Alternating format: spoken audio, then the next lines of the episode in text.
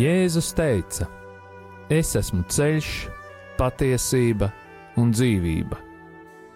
Kas ir šis ceļš? Kā to atrast?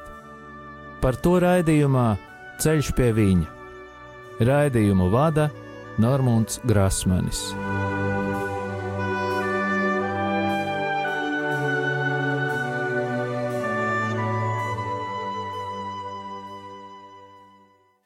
Lai ir slavēts Jēzus Kristus. Atkal ir piekdiena, un rādio Marija ēterā izskan raidījums Ceļš pie viņa. Vēlos atgādināt, ka raidījuma e-pasta adrese ir ceļš pie viņa at gmail.com. Turpinu pateikties visiem klausītājiem, kuri atceras mani un pārējos radio Marija darbiniekus, brīvprātīgos un arī ziedotājus savās lūkšanās. Vēlos pateikties katram klausītājam, kurš ar savām lūkšanām un finansiālo ziedojumu atbalsta radio Mariju skanējumu ēterā, lai Dievs jūs bagātīgi svētī un arī katru atbalstītāju un visus mūsu kopumā. Un tagad, kā jau ierasti, lūgsim aizsardzības lūgšanu pār rādījumu arī darbiniekiem un brīvprātīgajiem, par katru klausītāju un mūsu ģimenes locekļiem. Jēzus Kristus vārdā mēs pārņemam autoritāti par savu ģimeni un sasaistām visus ļaunos spēkus un varas gaisā, telpā, zemē, ūdenī, pazemē, dabā un ugunī. Dievs, tu esi kungs pāri visam visumam, un mēs atdodam tev slavu un godu par tavu radību. Tavā vārdā, Kungs, Jēzu Kristu, mēs sasaistām visus demoniskos spēkus, kas ir nākuši pār mums un mūsu ģimenēm, un ieslēdzam mūs visus tavu dārgo asiņu aizsardzībā, kas mūsu dēļ tika izlietas pie krusta. Marija, mūsu māte, mēs lūdzam tavu aizsardzību un aizbildniecību pār mums un mūsu ģimenēm ar svēto Jēzus sirdi. Ietin mūsu savas mīlestības apmetnī un sakauj mūsu ienaidnieku. Svētais arcēnģeli Mihēlu un visi mūsu sargaņģeļi Nāciet aizsargāt mūs un mūsu ģimenes šajā cīņā pret visu ļauno, kas ir šajā pasaulē. Jēzus Kristus vārdā un caur viņa dārgajām asinīm mēs sasaistām visas ļaunuma varas un pavēlam tām atkāpties šajā brīdī no mums, mūsu mājām un mūsu zemes. Mēs pateicamies Tev, Kungs, Jēzu! jo tu esi taisnīgs un līdzjūtīgs Dievs. Āmen! Jēzus Kristus vārdā un viņa krusta un viņa izlieto asiņu spēkā mēs sasaistām jebkura ļaunuma varas spēku garus un pavēlam tiem, lai tie nebloķē mūsu lūgšanas. Mēs salaužam jebkurus lāstus, burvestības, kas ir vērsti pret mums, padarot tos tukšus un bezspēcīgus. Mēs salaužam jebkuru uzdevumu, kas ir dots jebkādiem gariem, kas vērsti pret mums, un sūtām viņus pie Jēzus, lai viņš dara ar tiem, ko vien vēlas. Kungs, mēs lūdzam, lai tu svētī mūsu ienaidniekus, sūtot savu svēto garu pār tiem, lai vadītu viņus uz grēku nožēlu un atgriešanos. Mēs pārcērtam jebkādas saites un saziņu ļauno garu pasaulē, kas ietekmē mūsu un mūsu lūgšanu. Mēs lūdzam Jēzus izlieto asiņu aizsardzību pār mums un mūsu ģimenēm. Paldies, Tev, Kungs, par Tavu aizsardzību un sūti pār mums savus eņģeļus, jo īpaši svēto erceņģeli Mihēlu, lai viņš mums palīdz šajā cīņā. Mēs lūdzam Tevi vadi mūsu, mūsu lūgšanās un izlaies pār mums ar savu svēto garu, tā spēku un žēlsirdību. Āmen! Šī vakara tēma - Eneagramma. Kāds ir garīgais pamats? Vecāki ar mīlestību vēro, kā viņu zīdainis pārtop par bērnu. Katrs bērns ir atšķirīgs, tomēr visi iziet cauri vairākiem attīstības posmiem. Vecāki ar apbrīnu novēro, kā kļūst redzama bērna personība, atklājot viņos viņu personīgo gribu un ieraugot viņu apzināšanās procesus. Katrs no mums ir piedzīvojis šos cilvēku attīstības posmus. Jau kopš Ādama un Ievas, kad Dievs cilvēkam iedeva brīvās gribas iespēju, cilvēks atklāja savas gribas esamību. Mūsu radošums palīdz mums atklāt savas personiskās spējas, un ar tām saistītais domāšanas process mūs vada pie sava es apzināšanās. Sevis un savas apziņas meklēšanu cilvēki ir nodarbinājusi jau kopš pirmsākumiem. Šie jautājumi bija kā pamats visiem cilvēka reliģiskajiem meklējumiem un ir noveduši pie ilgstošas filozofiskas prātošanas, kur turpinās arī šodien. Interese par savu patieso es ir atbilstoša cilvēka būtībai, taču tīksmināšanās par savu patieso es, kā savu dvīni procesā, vienmēr ir saturējušas briesmas nepatiesai sapratnē par cilvēku personību. Jau kopš iesākumiem sajūsmināšanās par sevi ir novedusi pie domām, ka cilvēks var būt neatkarīgs no dieva, kas ir visa radītājs. Kopā ar neatkarību no dieva cilvēka sirdī ielaužas nedrošība, kas daudziem liek izmantot visas iespējamās gaišredzības formas, lai tādējādi uzzinātu savu likteni. Visu gaišredzības formu pamatā ir sava es meklēšana. Vecajā un jaunajā derībā Dievs cilvēkam dod norādījumus to nedarīt, jo tas var kaitēt cilvēkam pašam. Pirmais bauslis skaidri parāda, ka no šī grēka ir jāaizsargājās. Vēstules romiešiem pirmajā nodaļā ir teikts, ka mēs grēkojam, ja pielūdzam radību atstājot novārtā radītāju.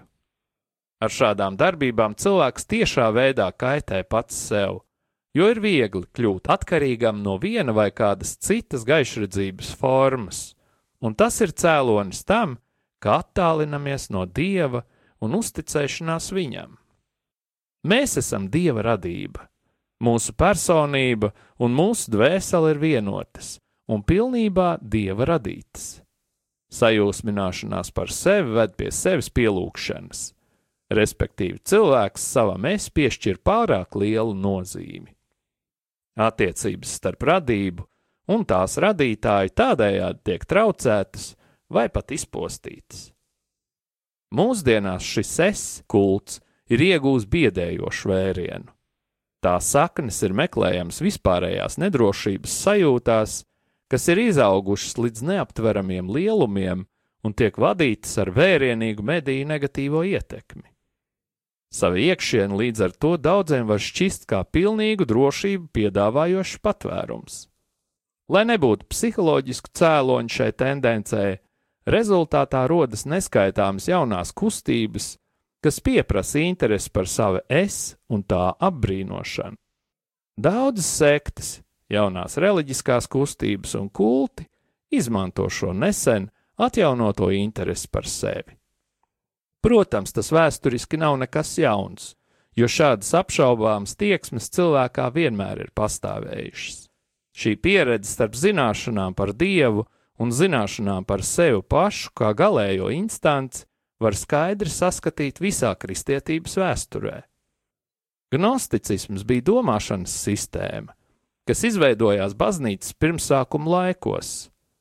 Vārds gnosis nozīmē zināšanas.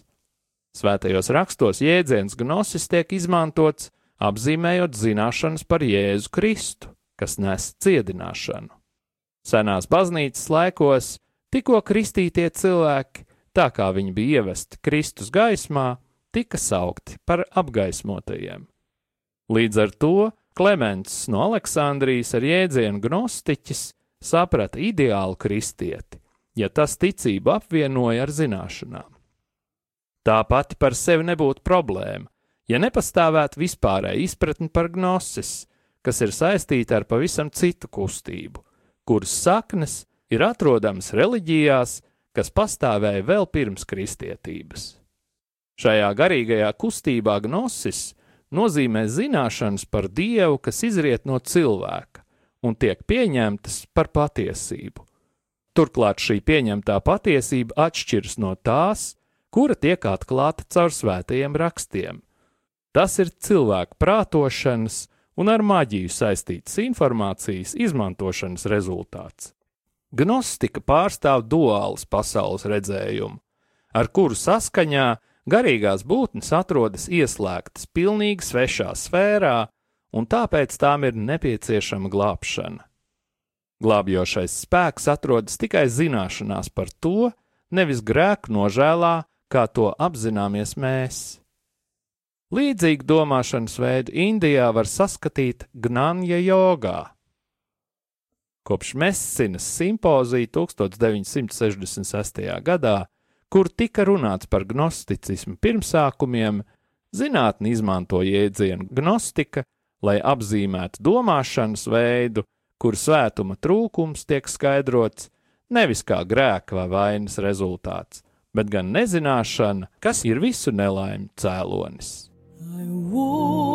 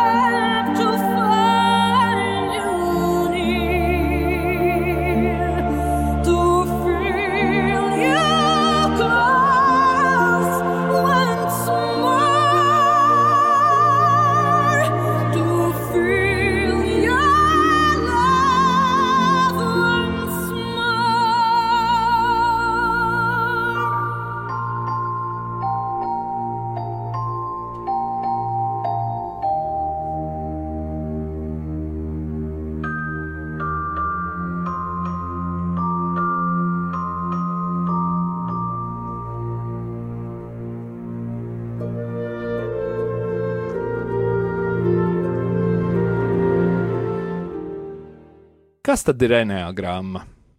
Enneagramma ir sistēma, kuras mērķis ir personības identificēšana. Tā balstās uz sufista, kas ir mistiķis, galvenokārt sastopams islāmā, izpratni par skaitļiem. Tā ir īpaša gaišredzības forma, kuru izmanto Samaunī un Nakwašī sektās Centrālā Azijā.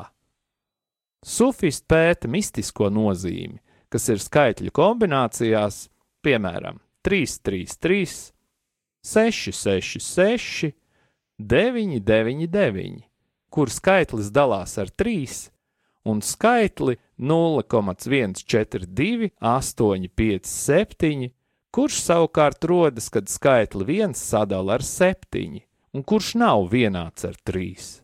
Enneagrammas simbols ir aplis, uz kura atrodas 9 punkti.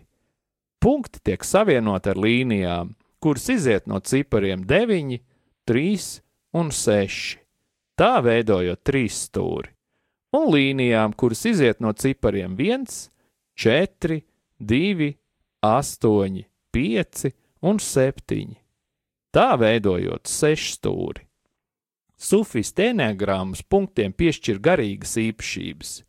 Viņi ar šo skaitļu sistēmu nesaista nekādu teoriju par cilvēku personību, ko par šo sistēmu stāsta vēsture. Eneagrammai, par kuru mēs zinām šodien, ir arī psiholoģiski aspekti, ko tai pievienojas Klaudio Naranjo, kas ir Oskara Ičāzo skolnieks. Šis vīrs ir viens no diviem, kurš ir atbildīgs par eneagrammas izplatīšanos rietumu sabiedrībā. Otrs vīrs bija Džordžs Gurdjīvs, kurš miris 1940. gadā, taču vēl 2007. gadā Ičāzo joprojām bija dzīves. Es pētot šos materiālus, nekur nevarēju atrast informāciju, ka viņš būtu miris. Šie abi vīri daudz ceļoja, meklējot slepenās okultās zināšanas.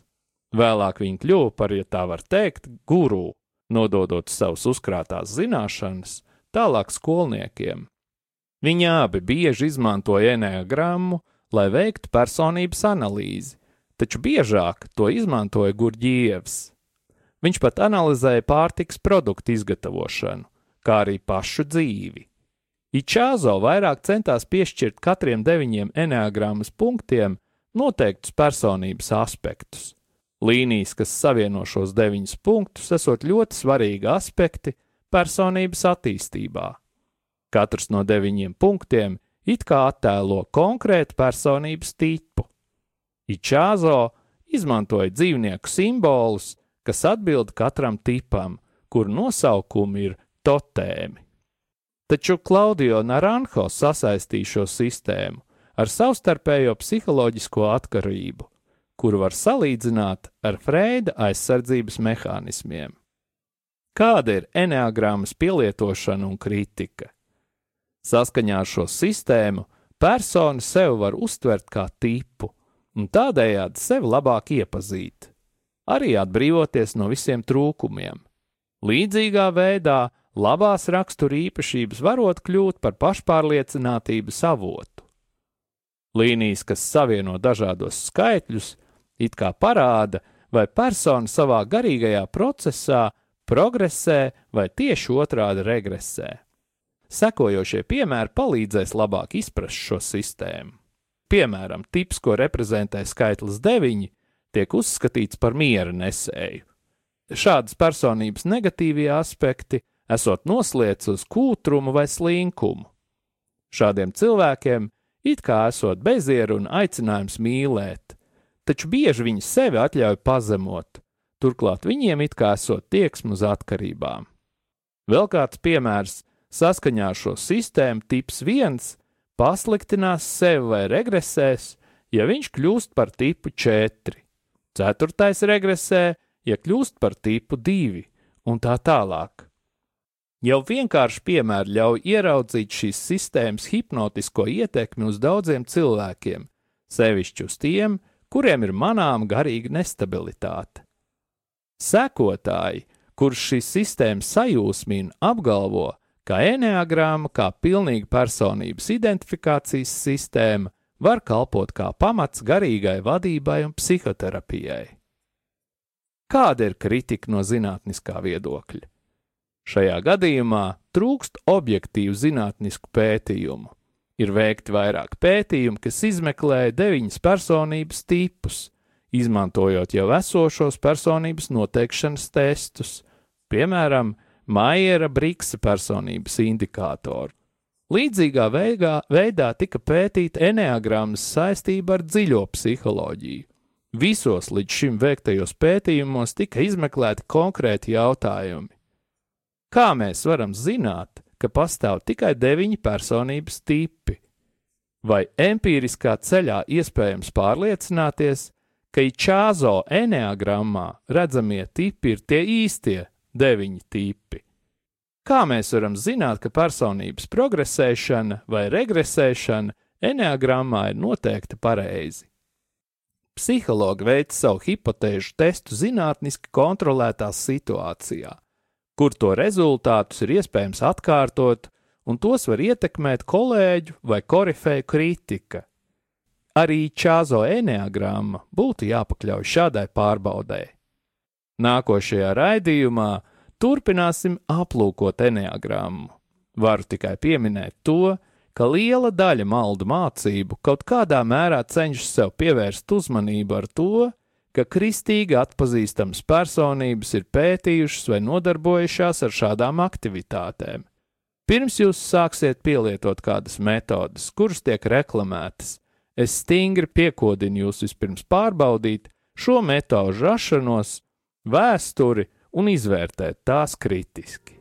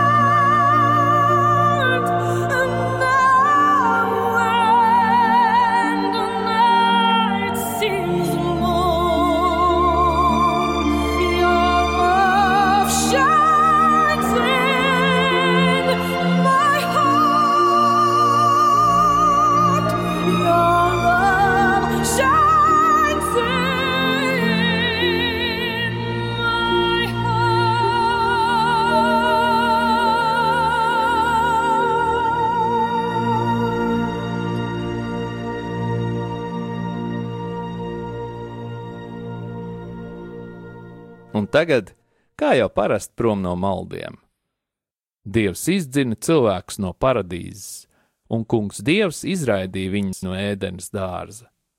Tātad grēcīgais cilvēks nedzīvo vietā, kas sākotnēji bija radīta viņam, bet gan ārpus tās, svešumā. Mums vispirms jāatgriežas savā autentiskajā vidē. Zeme ir tikai pasāža, gaitenis, nevis pastāvīga dzīves vieta. No zemes mums vēl jāatgriežas savā dzimtenē, tur, kur varam sevi realizēt un atrast dzīves jēgu. Kāpēc Dievs mūs izraidīja no paradīzes? Pirmajā mūzes grāmatā tiek teikts, un tagad, ka viņš vēl neizstiep roku, lai ņemtu arī no dzīvības koka un ēstu un dzīvot mūžam. Blakus laba un ļauna atziņas kokam aug arī dzīvības koks, kas dara mūžīgi katru, kurš ēd tās augļus. Cilvēks ir nonācis sātana varā. Ja viņš tagad ēstu no dzīvības koka, viņš mūžam paliktu grēku vergs. Lai tā nenotiktu, Dievs cilvēkam deva jaunu iespēju, proti, ārpus paradīzes īstenot jaunu pagriezienu, atgriešanos pie Dieva. Tā cilvēks atgrieztos savā sākotnējā vidē, paradīzē. Tātad cilvēka dzīves mērķis uz zemes ir pateikt nē sātanam un grēkam, un no jauna izvēlēties dievu. Tikai tad viņš drīkstēs ēst no dzīvības koka augļiem. Līdz tam laikam ķēruba ar liesmojošiem zobeniem apsargās ceļu pie dzīvības koka. Tātad cilvēkam ir dota cerība. Pats Dievs viņu ir darījis spējīgi izvēlēties Dievu un atkal atrast ceļu uz brīvību un draudzību ar Dievu.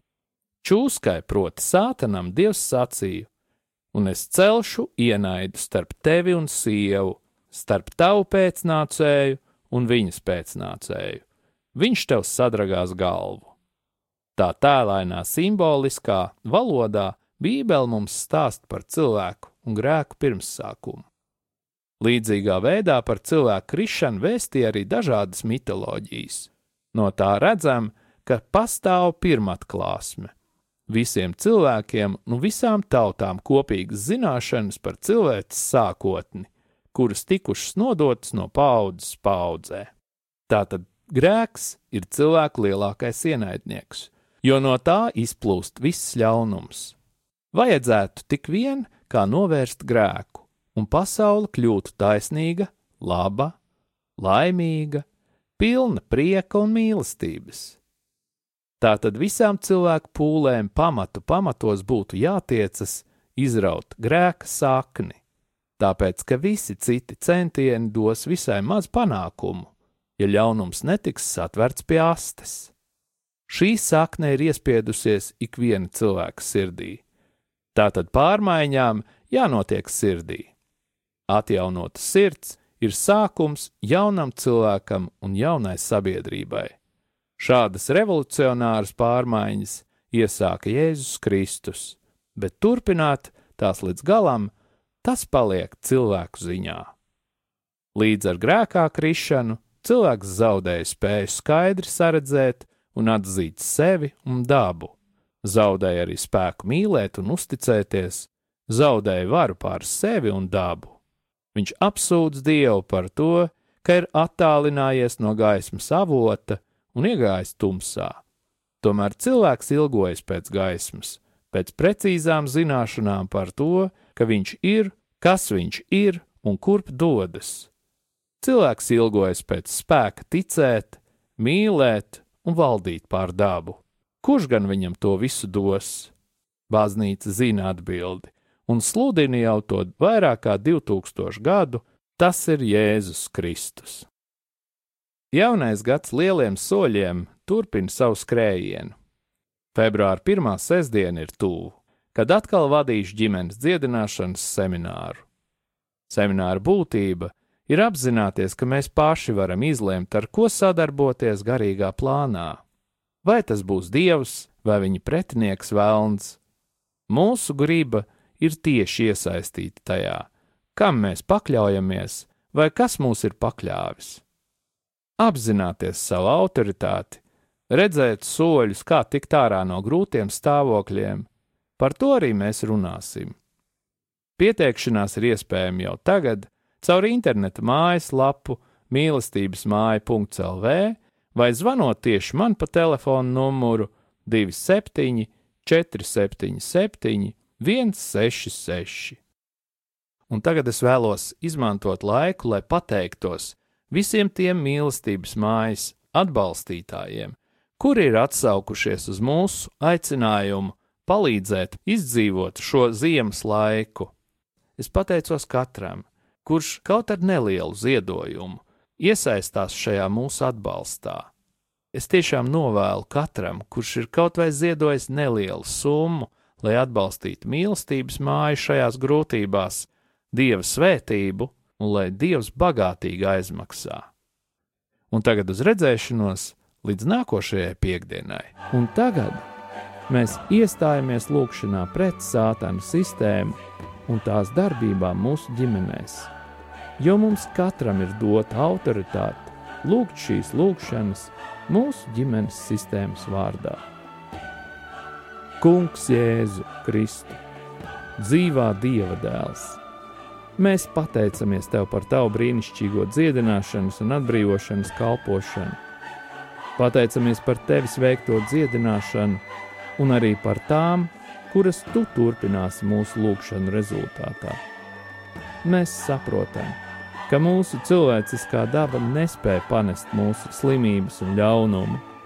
Tādēļ lūdzu, attīri un šķīstī mūs no jebkādām skumjām, negativitātes izmisumu, kuru mēs iespējams esam uzņēmuši. Ja mums ir bijis kārdinājums padoties dusmām, neiecietībai vai iekārai, attīri mūs no šiem kārdinājumiem un aizstāj tos ar mīlestību, prieku un mieru. Ja mūs jau kādā veidā ir pārņēmis un nomācis kāds ļauns gars, Jēzus vārdā mēs tev tagad pavēlam aiziet. Zemes, gaisa, uguns vai ūdens gars, nāves valstības vai dabas gars, tieši pie Jēzus, un lai tiem notiek pēc viņa gribas.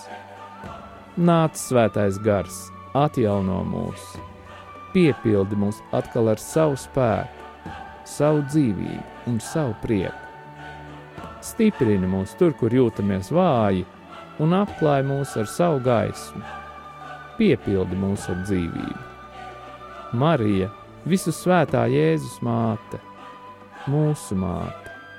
Svētais arcāņģēl Mihēl, mēs tev pateicamies par jūsu aizbildniecību. Kungs Jēzu lūdzu sūti savus svētos eņģeļus kalpot mums un mūsu ģimenēm, apsargāt un aizstāvēt mūs no visām slimībām, ievainojumiem un nelaimes gadījumiem lai mūsu ceļojumi ir droši. Mēs tevi slavējam, tagad un vienmēr, Tēvs, Dēls un Svētais Gars.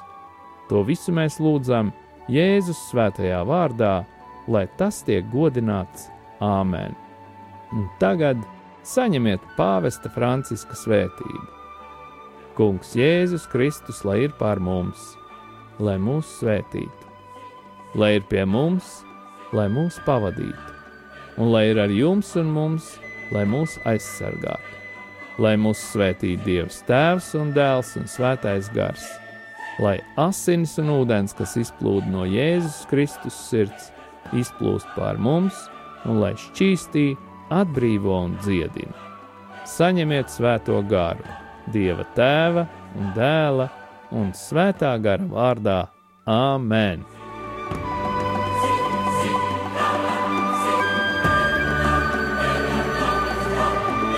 Jūs klausījāties raidījumu Ceļš pie viņa uz tikšanos piekdienu!